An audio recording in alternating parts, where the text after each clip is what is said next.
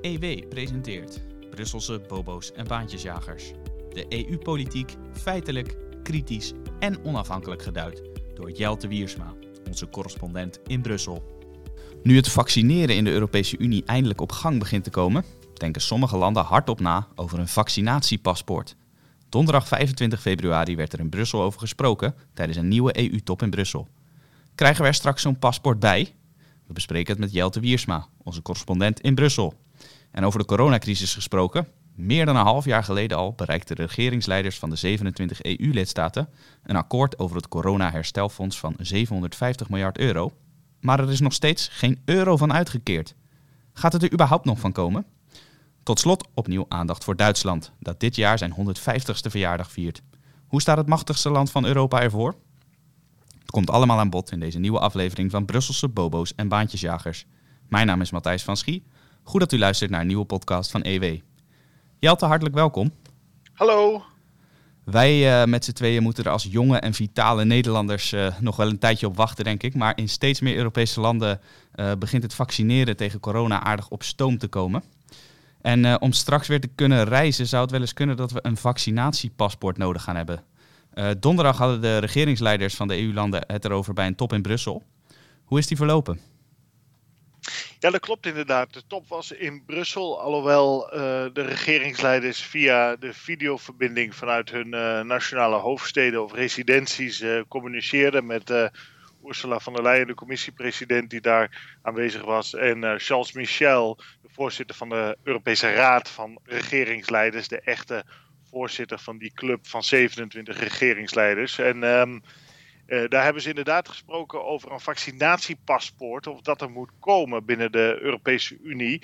Vooral dan gericht en gedacht vanuit de achtergrond uh, van open grenzen. Die grenzen die zijn uh, tussen EU-landen en Schengen-landen natuurlijk een heel aantal keren dichtgegooid. Dat is ook recent nog gebeurd. Duitsland gooide de grens met Oostenrijk en Tsjechië dicht bijvoorbeeld. En zo zie je nog meer. Um, bewegingen waarbij uh, de uh, nationale regeringen besluiten zich um, enigszins af te sluiten van de andere EU-landen, althans qua uh, vrij reizen, om te voorkomen dat ehm, mutaties vooral, het Braziliaanse variant, daar heb je het dan over, en de Engelse variant, dat die hun land binnenkomen. Want die zijn nog niet in alle EU-landen waargenomen.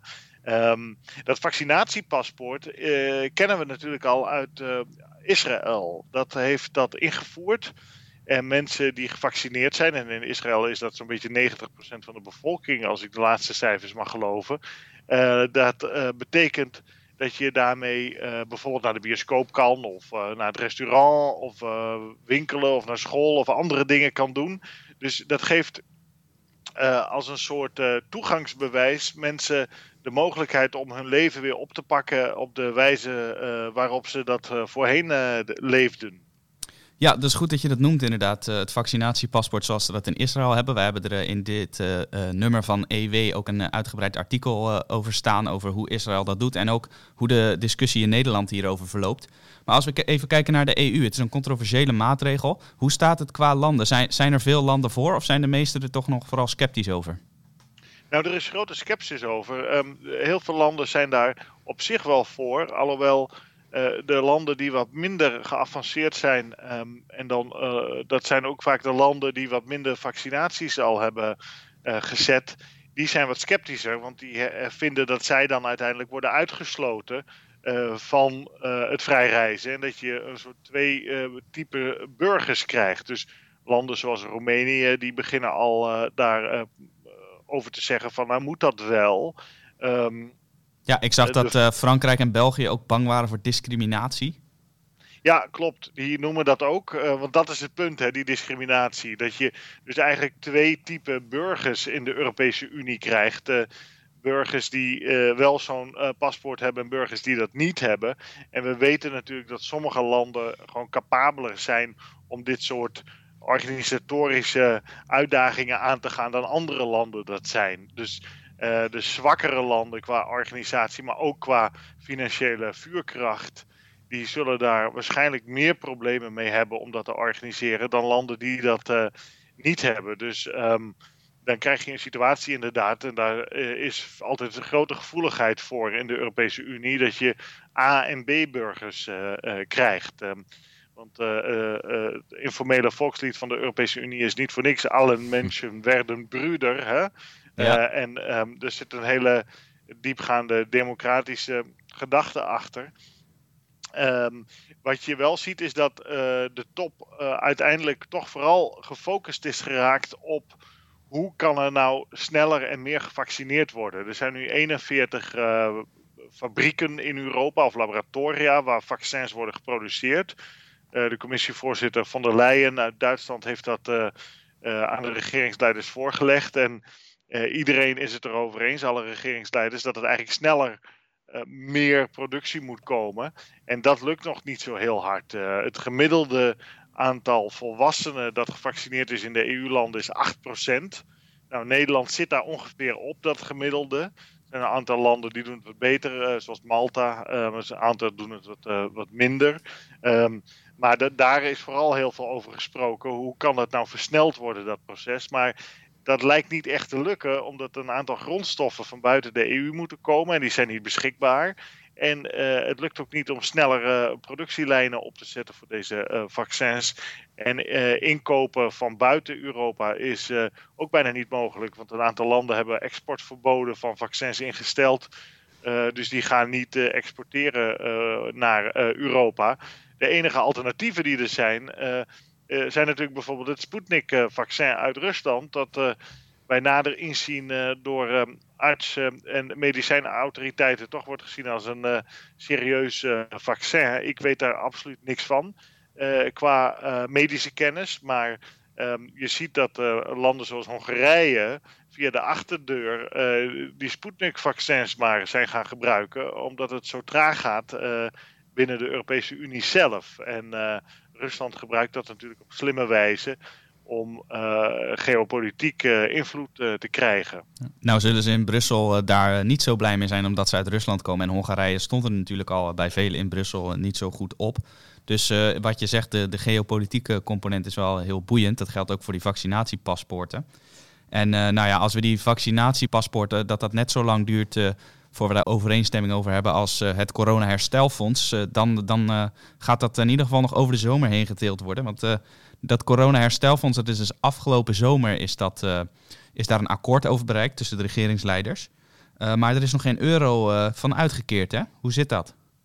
Nee, dat is het volgende belangrijke punt. Um, we hebben natuurlijk dat corona-herstelfonds inderdaad, waar we het vaak over gehad hebben. En de Tweede Kamer die heeft daar onder meer uh, uh, vorige week nog uh, over gesproken. En um, wat je ziet is dat um, dat moet nog geratificeerd worden. En ratificatie betekent dat de nationale parlementen in de meeste landen, EU-landen, moeten nog um, akkoord gaan met de afspraken die door die regeringsleiders zijn gemaakt in etappes. Eerst in juli inderdaad uh, van 2020 en uiteindelijk in december van 2020. Het Europees Parlement is akkoord gegaan. Maar die nationale parlementen moeten daar een akkoord aan geven, omdat het een zogenoemde eigen middelenbesluit betreft. En een eigen middelenbesluit betekent dat de Europese Commissie het recht krijgt om eigen middelen te verwerven. Eh, in verband met het corona-herstelfonds betekent dat dat de Europese Commissie geld mag gaan lenen op de kapitaalmarkt. En uh, dat geld, maximaal 750 miljard euro, uh, mag uitlenen en geven aan EU-landen volgens een van tevoren vastgestelde verdeelsleutel. Nou, die, dat eigen middelenbesluit, daarvan heeft minister Hoekstra eh, eh, van Financiën, CDA, gezegd. Uh, nou ja, dat, dat, steun ik. En de Tweede Kamer gaat u alstublieft akkoord. Nu heeft de Tweede Kamer gezegd. Maar dat geldt ook voor 19 andere parlementen, nationale parlementen in de Europese Unie. Van nou, um, we hebben nog wel een aantal aarzelingen daarbij. En um, die 20 nationale parlementen die het nog altijd niet geratificeerd hebben, waardoor dat hele herstelfonds nog niet in werking kan gaan, die uh, zijn uh, in een soort raar schimmerspel beland. Waarbij de Tweede Kamer, bij monden bijvoorbeeld van Aukje de Vries van de VVD, zei: van laten wij nou als allerlaatste als Nederland ra ratificeren. Want als wij het nu al ratificeren, dan krijg je een situatie dat misschien andere landen tijdens het ratificatieproces via hun nationale parlementen nog tusseneisen gaan stellen of aanvullende eisen gaan stellen. Dat er dan toch nog een beetje onderhandeld wordt en toegevingen worden gedaan aan die landen. En de, maar dat wij als Tweede Kamer eigenlijk al hebben ingestemd. Dus um, zo uh, zie je dat er nog gelinkerbald wordt uh, in de nationale parlementen om vooral maar niet uh, een oor aangenaaid te worden, om het zo maar te zeggen, door andere nationale parlementen die nog aan het terugonderhandelen zijn, zoals dat wel wordt genoemd, uh, op wat de regeringsleiders in juli en uiteindelijk in december vorig jaar uh, overeenkwamen. Ja, je hebt hierover uh, ook een uitlegstuk geschreven voor onze website. En daarin schrijf je onder meer dat Spanje en Italië bijvoorbeeld nog niet hebben geratificeerd. terwijl ik dacht dat zijn toch landen, met name Italië, die heel graag dat geld zo snel mogelijk zouden willen ontvangen. Is dat dan ook inderdaad omdat ze van die tusseneisen aan het stellen zijn, dat ze het onderste echt uit de kan willen halen uit Brussel? Ja, dat speelt mee. En dat is ook slim natuurlijk. Zo speel je het spel. Um, en uh, het is inderdaad waar. En dat is wel curieus natuurlijk. Dat Italië en Spanje, dat zijn de landen die uh, relatief verreweg het meeste krijgen.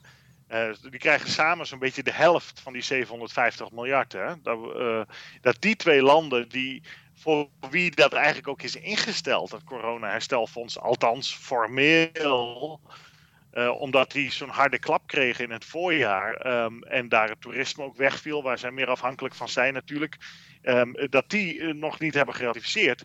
En dat uh, die landen dat dus ook ophouden. En gek genoeg dat Nederland, althans de Tweede Kamer, wel uiteindelijk akkoord is gegaan met ratifi ratificering. wel met die verstanden dat Nederland pas um, als allerlaatste gaat vertellen aan Brussel aan de Europese Commissie dat Nederland geratificeerd heeft. Dus Nederland heeft geratificeerd, maar vertelt dat officieel nog niet. Je kan het wel bij Elsevier lezen, maar de Europese Commissie die, die kan dat niet lezen misschien. Die hebben geen abonnement. Dat kan, kunnen ze altijd nemen natuurlijk, zo'n Of ze kunnen naar deze podcast luisteren, dan weten ze het dat ook. Dat kan ook nog. Uh, Sowieso goed, uh, want uh, jij doet nog alles wat verstandige beleidstips aan, aan Brussel. Uh, dat mag ik hopen. Um, in ieder geval, uh, ze kunnen dat hier dus wel horen. Maar ze, uh, ze, mogen officieel nog niet weten dat Nederland geratificeerd heeft. Dus Nederland gaat, althans die belofte heeft Wopke Hoekstra gedaan. Pas um, de commissie informeren dat Nederland akkoord is. De Nederlandse Tweede Kamer akkoord is. Um, Staten-generaal moet ik zeggen trouwens. als de meeste andere landen ook geratificeerd hebben. Nou, dat is nog wel een aardige geintje natuurlijk. Um, maar um, ja, de, de, curiositeit hiervan is natuurlijk dat, um, dat, dat corona-herstelfonds heeft in de, het grootste ontvangende land Italië, dat 209 miljard zou kunnen krijgen van de 750 miljard die beschikbaar is.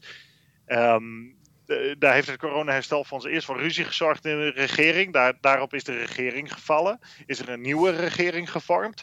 En uh, dan hebben ze het ook nog niet geratificeerd. Dus uh, de grootste ontvanger daarvan, die vertraagt de boel enorm. En um, ja, er, speel, er, is nog een curiositeit hierbij.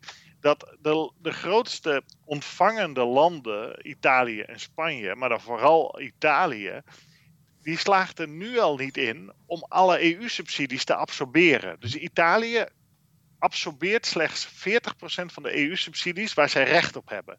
En dat komt omdat je met EU-subsidies altijd uh, hebt dat er cofinanciering is. En dat betekent dus dat een land doet een voorstel voor een project en die zegt, uh, nou de nationale regering financiert 25%, de regionale regering 25%, het bedrijfsleven 20% en de andere 30% wordt door de Europese Unie uh, gefinancierd.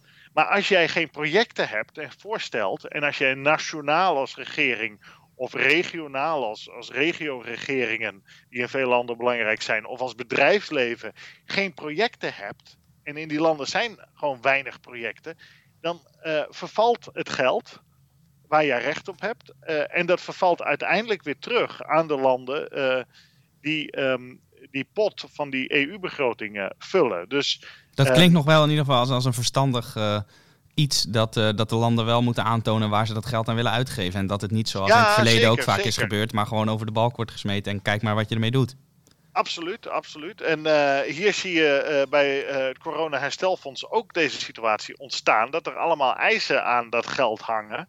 En dan het helemaal maar de vraag is of Italië alleen al gewoon organisatorisch. Dus of de politiek en de ambtenarij en het Italiaanse bedrijfsleven er erin slagen om het geld dat zij deels kunnen krijgen, 81 miljard zo'n beetje kunnen ze krijgen en de rest is een, is een goedkope lening. Of ze dat inderdaad wel kunnen absorberen, of ze dat wel weg kunnen zetten in eigen land. En uh, het kan zomaar zo zijn dat het corona-herstelfonds van 750 miljard dat, dat dat geld nooit op die schaal zal worden weggegeven en uitgeleend. We hebben dat eerder gezien bij een uh, fonds dat in Luxemburg is neergezet.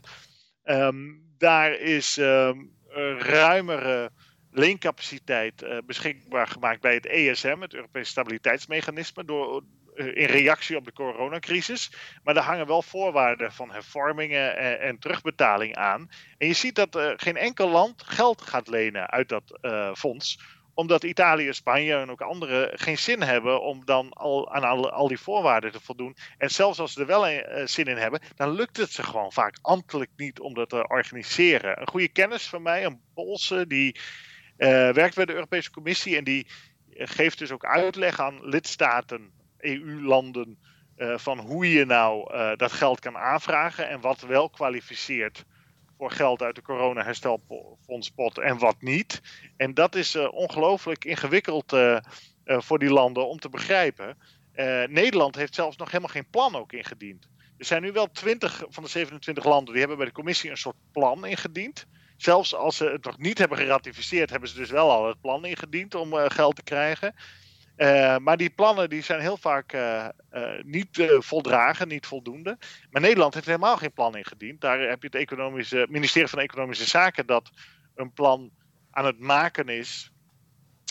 en dat wordt over de verkiezingen heen getild. En dan zullen de partijen die gaan formeren, dan uiteindelijk moeten beslissen na de verkiezingen van 17 maart wat ze gaan willen met dat coronageld dat voor Nederland beschikbaar komt. Dat is 5,6 miljard, maar dat is eigenlijk maar heel weinig dus. Ja, dat is wel boeiend dat je dat zegt. Dat wordt over de verkiezingen heen getild. Uh, jij schrijft ook in je stuk dat uh, minister Wopke Hoekstra heeft gezegd dat de regering en de Tweede Kamer eigenlijk niet meer terug kunnen. En jij schrijft daarbij dat kan helemaal wel. Want inderdaad, stel nou, we hebben straks een, nieuw kabinet. En in dat nieuwe kabinet zit een partij of een minister van Financiën die zegt: hé, hey, luister eens, wij willen dat helemaal niet ratificeren, want wij zijn bij nader inzien toch tegen. Zou dat dan gewoon kunnen? Jazeker, Nederland kan uiteindelijk wel terug. Um, je kan altijd terug onderhandelen. Ik moet wel zeggen, als je geratificeerd hebt, dan zit je wel in de fuik hoor. Dan heb je wel een probleem als je daar weer uit wil. Dat is wel een hele lastige figuur. Dat zie ik niet gebeuren, eerlijk gezegd. Want dan moet je met uh, gekwalificeerde meerderheden in de Europese Raad. Uh, daar toestemming voor krijgen. Dus dat betekent dat andere EU-landen het met je eens moeten zijn.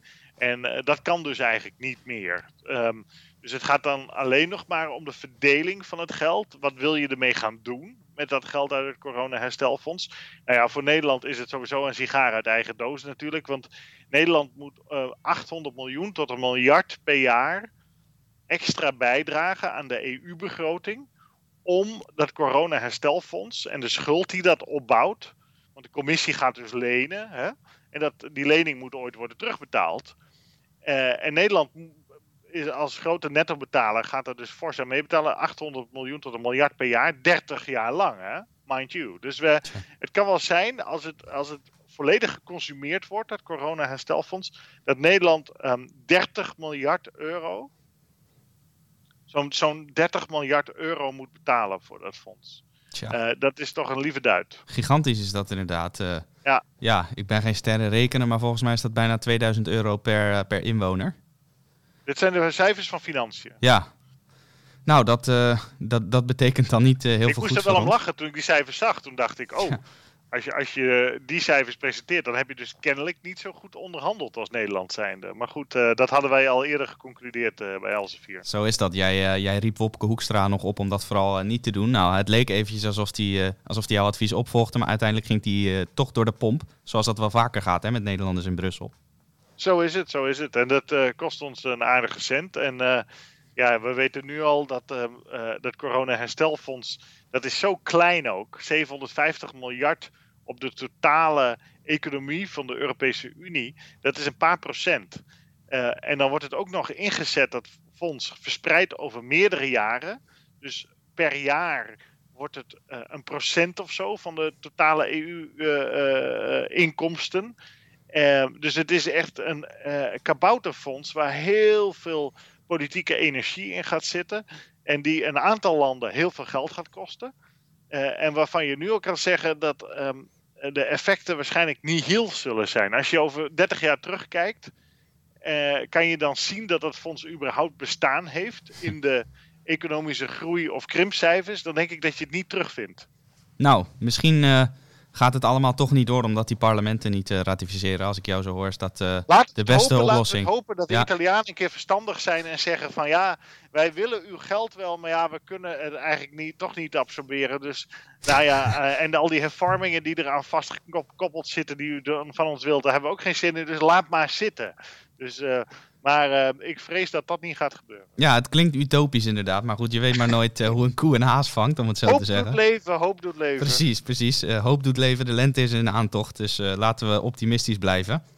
Hey Jelte, tot slot laten we het nog even hebben over Duitsland, waar we het vorige week ook over hadden. Maar dan dit keer wat meer naar Duitsland zelf. Want Duitsland viert dit jaar zijn 150ste verjaardag. Dat is natuurlijk een memorabel aantal. Vorige week zei hij, de Duitsers die raken steeds meer teleurgesteld in de EU. Maar hebben ze eigenlijk nog wel vertrouwen in zichzelf? Ja, dat is de vraag die ik uh, mij stel. En hebben wij ook nog wel vertrouwen in de Duitsers? Ook dat. Dat is de vraag die erachter zit. Ja, dat is heel interessant. Hè? Duitsland bestond in januari um, 150 jaar. Dan moet je denken, um, als je teruggaat uh, naar Versailles, uh, het beroemde paleis natuurlijk in de Spiegelzaal, al daar waar na de winst van de Pruisen op de Fransen in de Frans-Pruisische oorlog um, uh, de Duitse uh, keizer Wilhelm um, het Duitse keizerrijk uitriep. En um, dat Duitse keizerrijk is eigenlijk de voorganger van de Bondsrepubliek Duitsland zoals wij die nu kennen. Nou, dat Duitse keizerrijk, dat was een joekel van een land toen al. Hè, dat liep van Straatsburg naar Koningsberg. Straatsburg is nu Frans, Koningsberg is nu Russisch. Kaliningrad heet dat tegenwoordig. En dat enorme Duitsland dat gevormd werd, dat was eigenlijk voor het eerst dat je een uh, centraal geleide Duitse staat had in Europa. Daarvoor bestond Duitsland natuurlijk ook wel, maar dat bestond, uh, en dat is het eigenlijk altijd gebleven wel, als een cultuurgemeenschap, een taalgemeenschap. Maar een staat was het nooit. Je had natuurlijk uh, het Heilige Roomse Rijk, waar Nederland ook lang onderdeel van is geweest. Um, maar dat was eigenlijk een, een soort losvaste alliantie van allerlei hertogdommetjes, ja. prinsendommetjes en, enzovoort. En dat was altijd een, een zwakke speler in Europa. Uh, omdat het allemaal verdeelde landjes waren, zoals Beieren en weet ik wat allemaal, die uh, allemaal relatief klein waren, werden die altijd uit elkaar, uit elkaar gespeeld door de Britten en door de Fransen en door de uh, Oostenrijkers en de Russen enzovoort. Nou, dat Duitsland verenigde dus nadat Pruisen de, verreweg de sterkste militaire macht werd in die Duitse landen. En uh, die macht um, bevestigde door eerst Oostenrijk te verslaan in een oorlog in Noord-Duitsland. Uh, en daarna um, uiteindelijk uh, Frankrijk te verslaan.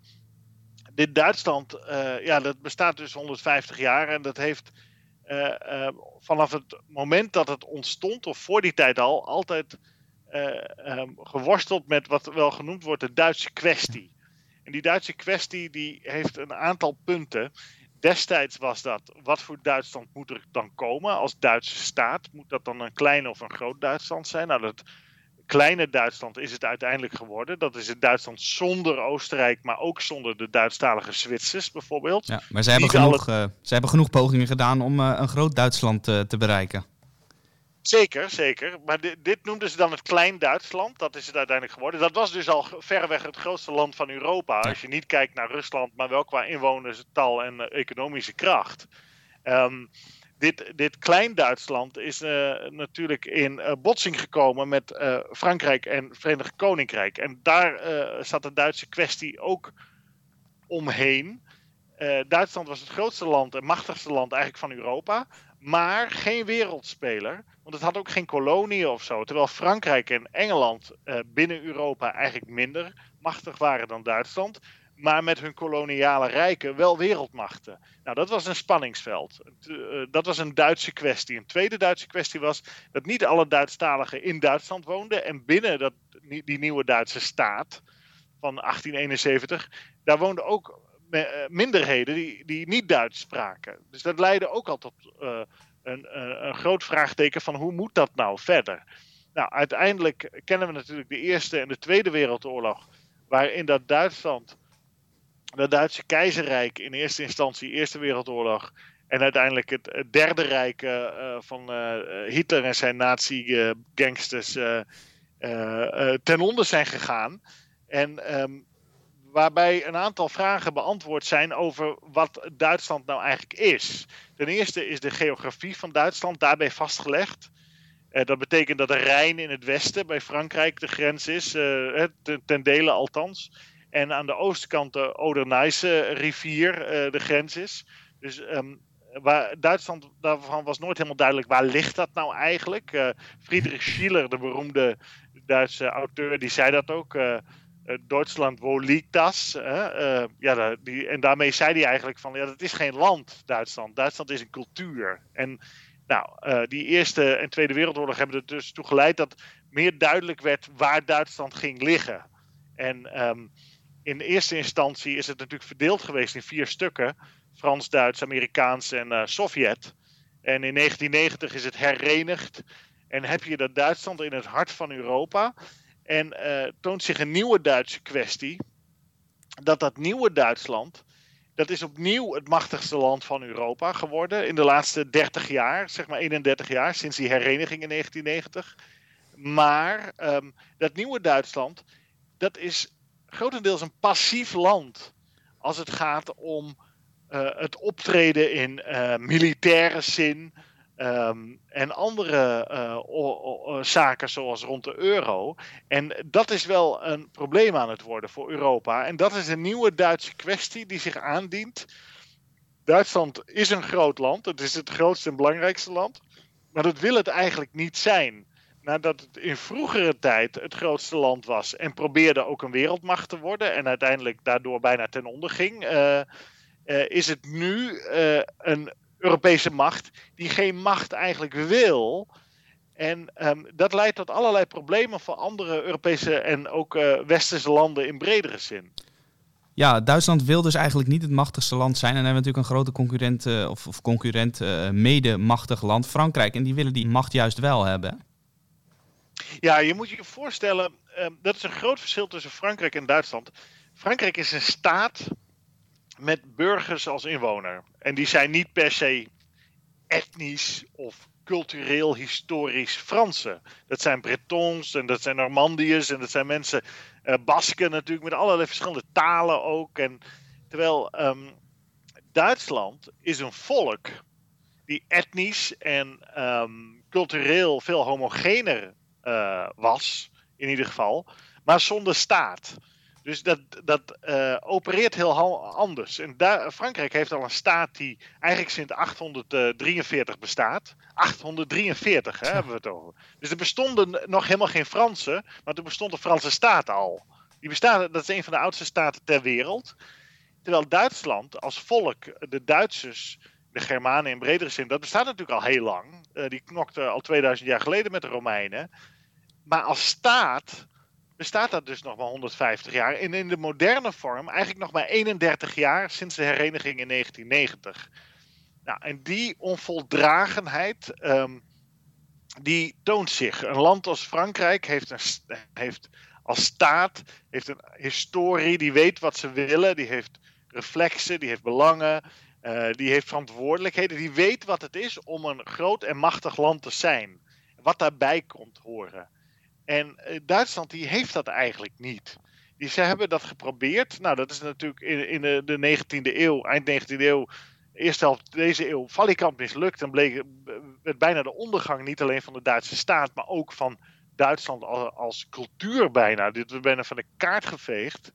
Um, Maar nu zijn ze dan weer terug. Ze hebben die staat. Maar die staat is ja, een junior. En die gedraagt zich ook als een, uh, ja, ik zou bijna zeggen, een klein kind. Als een klein land. Uh, um, die vergelijking trek ik ook. Duitsland uh, opereert een beetje in de internationale politiek alsof het een Nederland is. Maar dat kan niet. Als je een groot land bent, dan kan dat kan niet. Want dat heeft effect op heel Europa en de hele vrije wereld.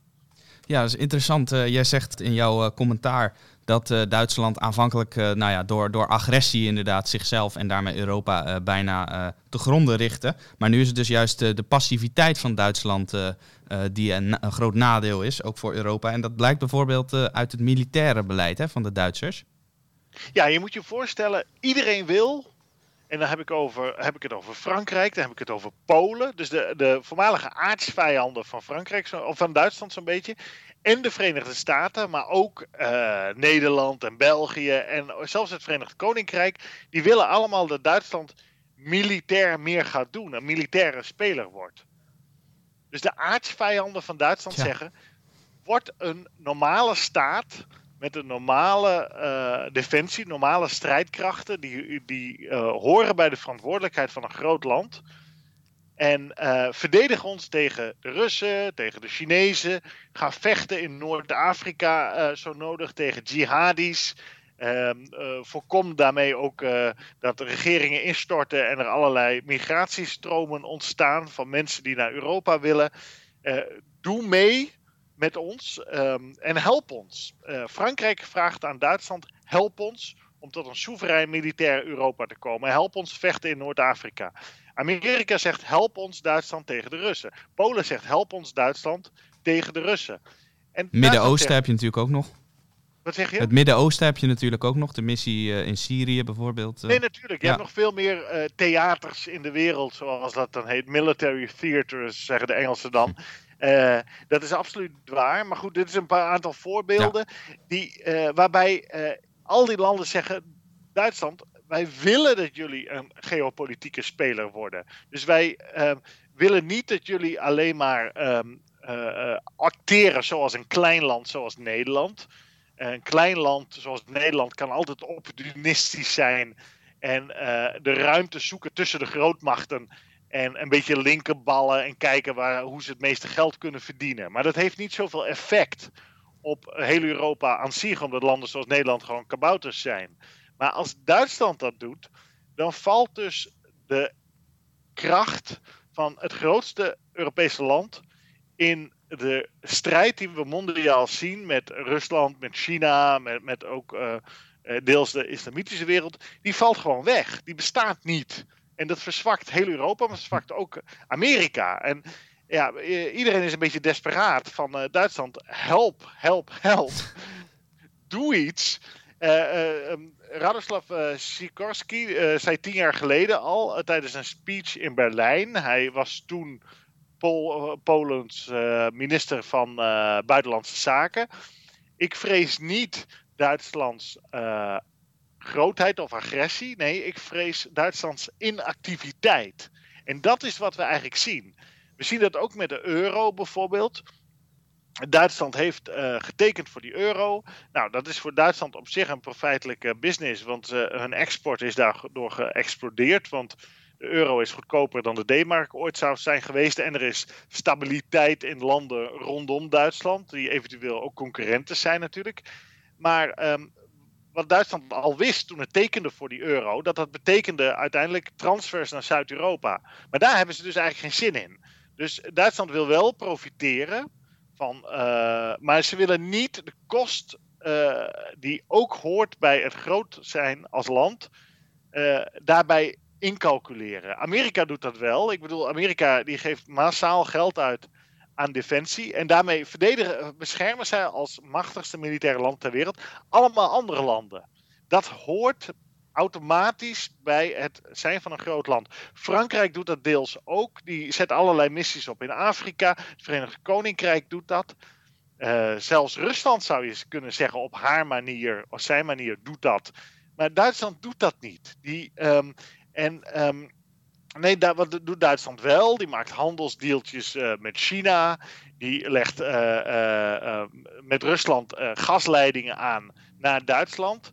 En daarmee financiert ehm, Duitsland zowel Xi Jinping in China met zijn horrorregime dat de onvrijheid probeert te exporteren en de, en de Chinese bevolking onderdrukt. Je hebt datzelfde verhaal via die gaspijplijn Nord Stream 2 dat Duitsland gas van Vladimir Poetin koopt. al daar de feitelijke alleenheerser.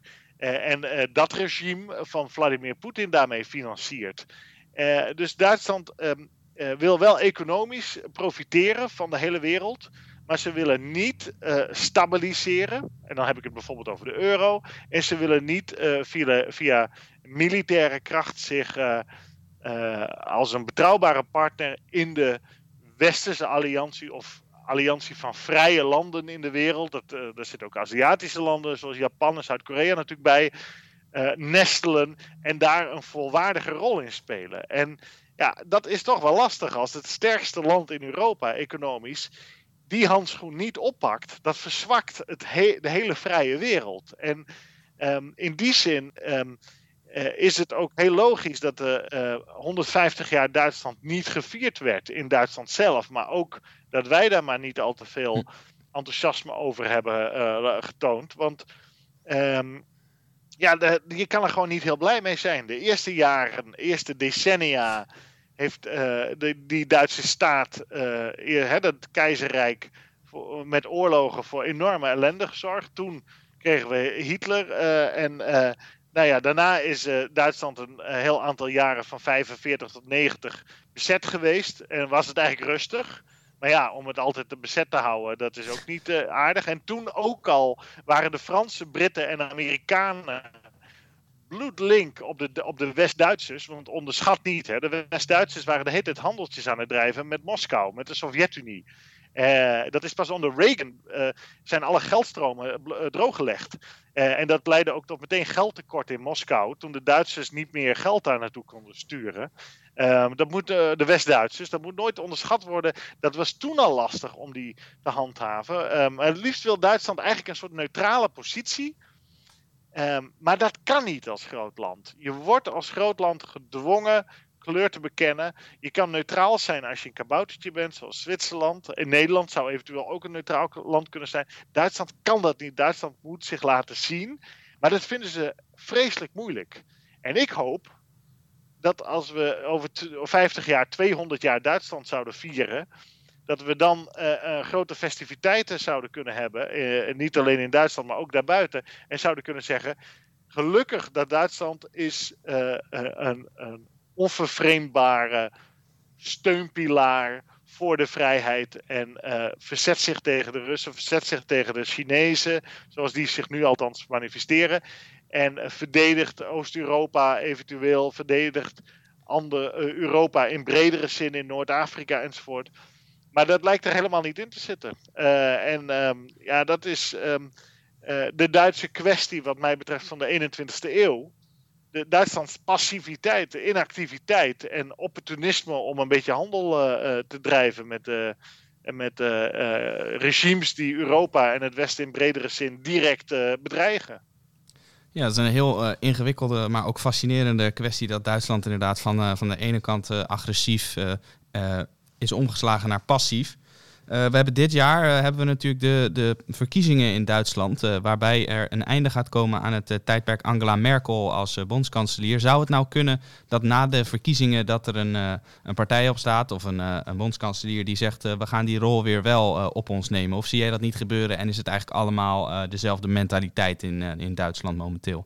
Ja, voorlopig zie ik het niet. de minister van Defensie Annegreet Kramp-Karrenbauer van de CDU de partij die zeer waarschijnlijk eh, eh, in september ook weer de parlementsverkiezingen gaat winnen.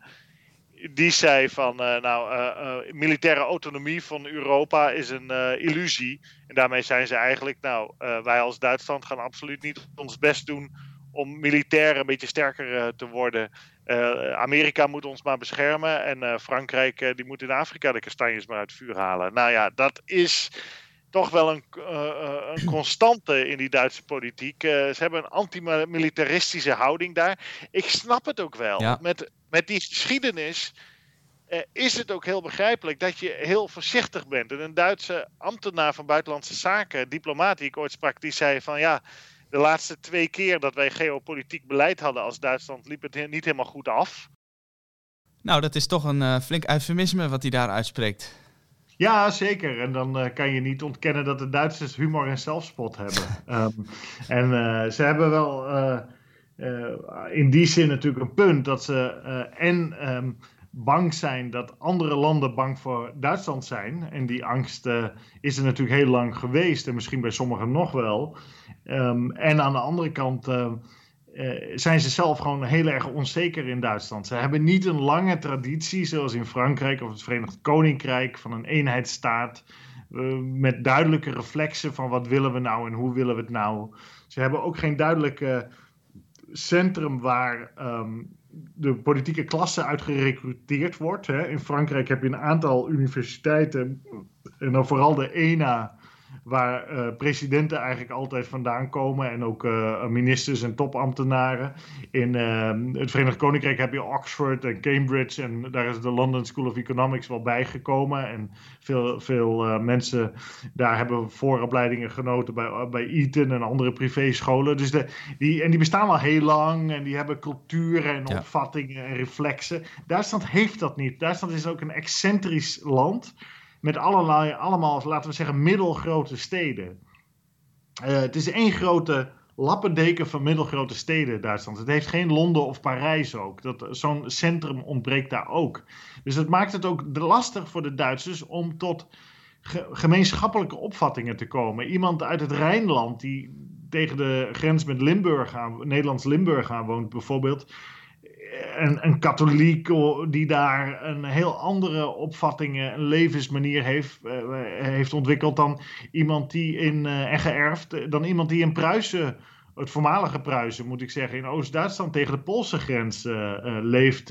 mooi, meer protestantse wereld is dat. Dat zijn echt totaal, München of Hamburg, dat zijn... Hamburg een zeevarende stad, hè, net zoals Kopenhagen en Amsterdam en Rotterdam en zo totaal andere blik op de wereld dan München. Een stad tussen de heuvels, tegen de bergen en in, in de bossen. Hè? Dat is een totaal continentale sfeer. Dus um, dat maakt het ook heel lastig voor Duitsland om één stem te hebben.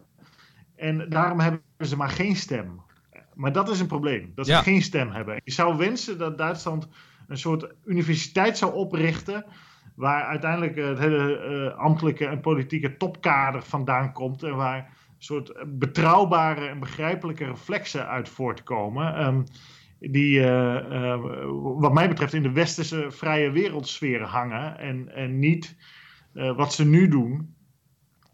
dat ze hun zakken proberen te vullen met hun geweldige producten. Maar verder met het geld dat ze daarmee verdienen, geen verantwoordelijkheid willen nemen om die wereld ook een betere plek te maken. Nee, nou ja, je hebt in ieder geval een, eh, een voorzetje gedaan uh, richting de Duitsers. Uh, laten we hopen dat ze daar uh, iets mee Ook doen. Ook in Duitsland hebben wij luisteraars. Natuurlijk, dus. natuurlijk, daarom. Nee, het is een lastige positie waar de Duitsers in zitten. Zeker ook vanwege hun verleden. Dat is nou eenmaal een feit. Maar wat je zegt, het, het, zou goed zijn als de Duitsers toch op een of andere manier een, een leidersrol weer op zich proberen te nemen. Nou, we houden het in de gaten en we kijken natuurlijk ook gedurende het jaar hoe dat gaat met de verkiezingen in Duitsland. je zou het zelfs wel een soort Duitslandjaar uh, kunnen noemen, dit. En uh, uiteraard uh, hebben we daar veel aandacht voor met jouw historische kennis over Duitsland als mooie leidraad. We hebben, we hebben eigenlijk van alles besproken weer. We begonnen bij het vaccinatiepaspoort en zo langs het herstelfonds naar de 150ste verjaardag van Duitsland. de geschiedenis van de en de actualiteit. Opgelost, Matthijs, hè? Precies, precies. Daarom, nou, daar bent u dan weer van op de hoogte. En dan zijn we nu ook aan het einde gekomen van deze podcast. Jelt, ik wil je hartelijk danken voor jouw tijd. Graag gedaan. Ik wil u ook uh, hartelijk uh, danken voor het luisteren. En uh, u heeft gehoord dat wij het net veel over defensie hebben gehad. En daarmee wil ik gelijk e-, ook eventjes aankondigen dat EW zaterdagochtend om half elf het grote defensiedebat houdt met diverse Kamerleden of kandidaat-Kamerleden. dat kunt u zien op onze website. Er staat een livestream met het debat. En u kunt het later ook terug luisteren als podcast. Dus als u een liefhebber bent van defensie, luister dat vooral.